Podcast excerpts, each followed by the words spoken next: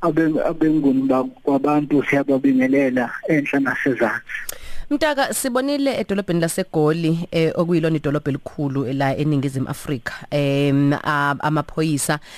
Eh senkabeni yalidolobha laseGoli ethi cha phela ngenxa ukuthi kukhona imikhiqizo ethengiswayo lapha kodwa imikhiqizo eqinisekisiwe. Akakangenelele akabuyise nje inhlala kahle nozinzo nje edolobheni laseGoli. Ay impela imvula yamatshe nako konke zonke inhlobo zokuhlasela ongazicabanga emaphoyiseni aseningizimu Afrika ethi alungisa icountry kwayisho labantu.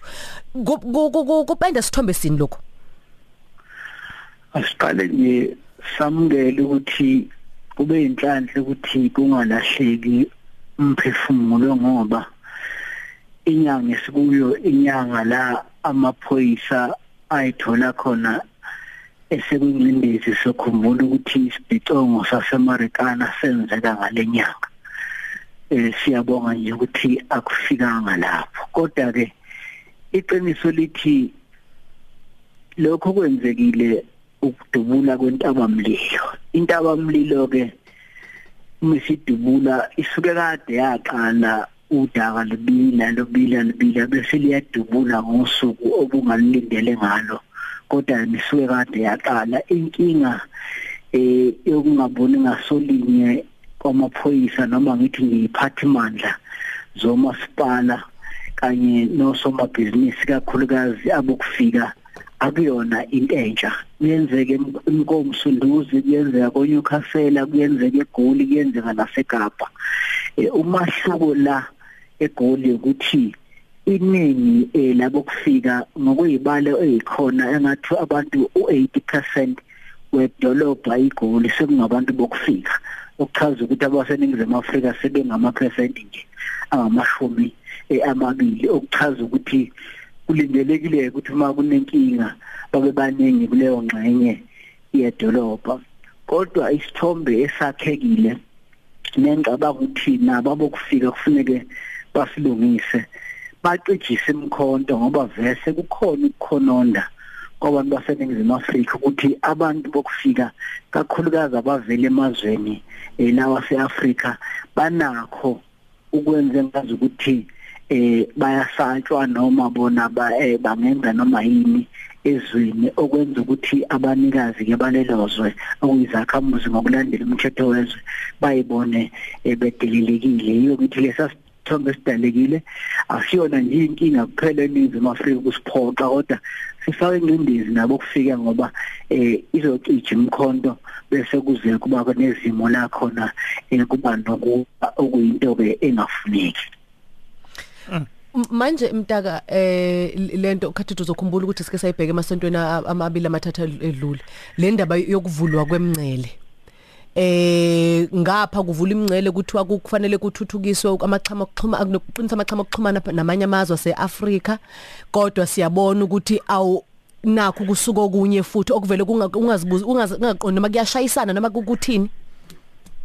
Aselungiseke leli gama ngoba liyidusa. Ayivuliwe imncele alikhizwe livula imncele abantu bangena belandela umthetho konke amazwe omhlaba kodwa into eyenzekayo eningizimu Afrika ukuqashwa eh kweintuba la khona abantu bebaleka ukuyongena ngokomthetho emngceleni bese bengena ngeintuba mm. eh bukhona ubufakazi. Obuthi kunabantu akasuke nje umuntu eSomalia eh ethethe ugwayimbumbulu azazongena lapha ukuthola usukwanongoma ugwayimbumbulu lokuchaza ukuthi lo muntu akangenanga ngesango. Ungene ngandlela thiza ayikho imngcele yokuthi e, osopolitiki babuye bakhulume nje e, into yasematshwaleni ayikho imngcele evuliwe. Eh imngcele ilandela imithetho kodwa okungenzeki mm. kufanele sivumelane ngakho ukuthi zikhona izintuba e, ezikhona ezinye zaziwayo ezinye ezibanzi ngendlela ukuthi ngisho amaphoyisa ngisho amasosha wakwazi ulokho eqaphe lapho ngoba indawo ibanzi. Mhlawumbe uthola umngcele usuka lapho khozini eh, uzufike enamonti noma emlazi futhi indawo ebanzi eh igila mkhuba sezayazi indawo. Kodwa into empila ngoba nansi la isuke besixaka khona osopolitika ke bafiyeke ngokuphikisana ngento engenamsebenzi eh lo we-DA no ANC bobabili abangadlali umdlalo ongenamsebenzi. Into ebalekile la ukuthi kutholwe isixazululo ngoba njengoba bephikisana nje into ezokwenzeka lento abamlili izoqhuma kuzoxabana abantu kushawane bese kuqhamuka amagama engisi la okuthiwa oxenophobia ngento kufanele ngabe bona njengababusi bezwe. Ngoba ukuthi kuphethe iDA noma kuphethe iANC bangababusi bezwe kulezo igaba zikahulumeni kufanele kuqhamuke isixazululo. Ayinhle lento yokuthi uma kuphethe uDA uANC uma kunephutha athi niyabona ke engabuya lungisa noma makuphethe uANC weDA athi hayi uyabona kube bekuphethe thina lena nje ijule kakhulu yinde kakhulu ayihlangene na ANC ehlangene na FP ehlangene D ingathi njengona baseningizimu Afrika ngoba eh okuzokwenzeka wazothi bese bephikisana indiyo bephikisana nje kucija ulimi cijwa nemkhonto baxabana bese uthi ngolesine kushayane nje abantu edolobheni. Eh omunye wangaphandle omunye walapha seliyathungeleka kenjalo izwe yiko ngithi ake sibone ubuholi kumeya segoli ake sibone ubuholi ku-ANC kungathi into ingeyithu inkinga yethu njengesizwe bese siyenza ipolitiki yamaqembu ngoba ngeke usisize lokho. Kungekudala lento abamlilo izoqhuma ngoba udaka luyabila ngaphansi. Omunye umuntu mfaka mntaka sesiphetha nje uzothi vele ukungena eningizimu Afrika kubonakala sengathi kulula eh kakhulu. Eh lokho okungenza ukuthi mhlambe sekudala lencindezi sesiyibona ikhona njengamanje. Ungathini lapho? Ikhona izinto kufanele njengeningizimu Afrika siyiqinise isibonelo. Eh osopolitiki bethu kufanele bazi ukuthi lento lokhu bebeyohleka emzini umuntu afuna ukuthandwa amanye amazwe ashinda lamanje angazenzi sibonele eZimbabwe. eZimbabwe kunamabhizinisi. Uma ungayena waseZimbabwe ngeke ngeke nje ube kuvula isaluni edolobheni eZimbabwe.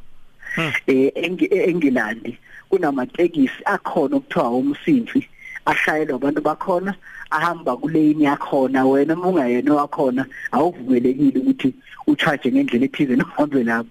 eChina asikho isitolo sakwangobe eChina nje ngisho ngisho sidayisana ngeke futhi sibe khona hayi manje nakusasa yithi nje esingohleke emzini ngoba siyathanda eh likhona igama elilula elisetshenziswa abantu ekuthiwa kuphapha siyathanda ukuphapha sifuna ukuba ohleke emzini sokusithanda ngiyakutshela nje eNigeria asikho isitolo sakwamdaka eNigeria eSomalia lapha Somalia lokuthi hayi abantu baseAfrika yebo ke abaseAfrika siyabazi siyabathanda futhi. Kodwa njengoba ngisho nje kunamabhizinisi abhalwe phansi. eTopia uneform lokuthi ngeke uyodayisa emgaqweni ungeyona waseTopia ngizama ukuthi ke yithi nje singohleke emzini. Yiyo ngithi lento lokuxabana umashaba ukuxabana iANC badlala ngathi abantu bakithi ningabalaleli ningabavumeli futhi ngoba bayazi ukuthi lento kufuneka ilungiswe kanjani ukuthi nje singohleke emzini. Thina ezathi sine constitution uthethe sisekelo omuhle kunawo wonke usichashazwa ke ngaleyo ndaba. Mfowethu Mtaka siyabakakhulu Mtaka baba kuhlale kumnandi ukukhuluma nawe ngalesikhathi. Cishe kuningi abalali bethu abakuzuzayo eh sithi nje ayihlale phansi ibamba umthetho eh kuphunywe nesisombululo. Siyabakakhulu mfowethu amajalman Siyabonga.